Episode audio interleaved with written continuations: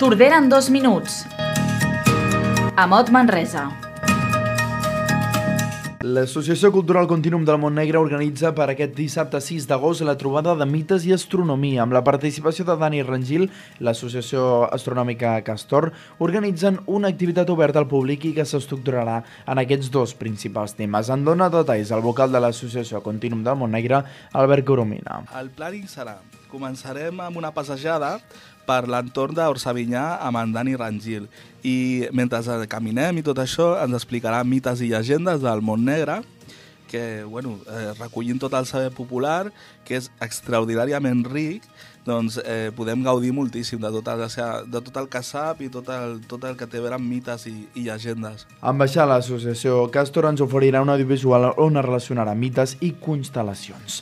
I justament el dissabte també la delegació Encollida de Tordera organitza l'Oncoconcert. Es tracta d'una iniciativa solidària que té l'objectiu de recaptar diners per ajudar les famílies que pateixen càncer, tot plegat en un format amb de concert a càrrec del duet torderenc Ruth i Santi Serà, al Parc de la Mullera a partir de les 9 del vespre.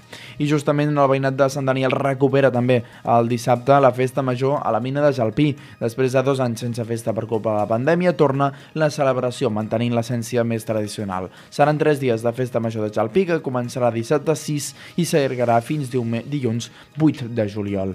I aquest dissabte mateix, després de dos anys sense poder-ho fer, torna la normalitat a Baimanya. La plec torna aquest 6 d'agost, on se celebren els tradicionals actes que han format part des de sempre de la celebració. Una de les principals activitats que recupera és la batallada. Joan Xampany, organitzador de l'acte, explica els motius del canvi de data. Va, vull dir, antigament sí que feia l'1 d'agost sempre, perquè abans d'aquell temps quan venien les cases de pallars per aquí, doncs, vull dir, si feien festa un dilluns o un dimarts no passava res, però mm. avui dia, com que tothom treballa el que sigui, doncs té que intentar fer-ho el dissabte, que més adient eh, pel dia.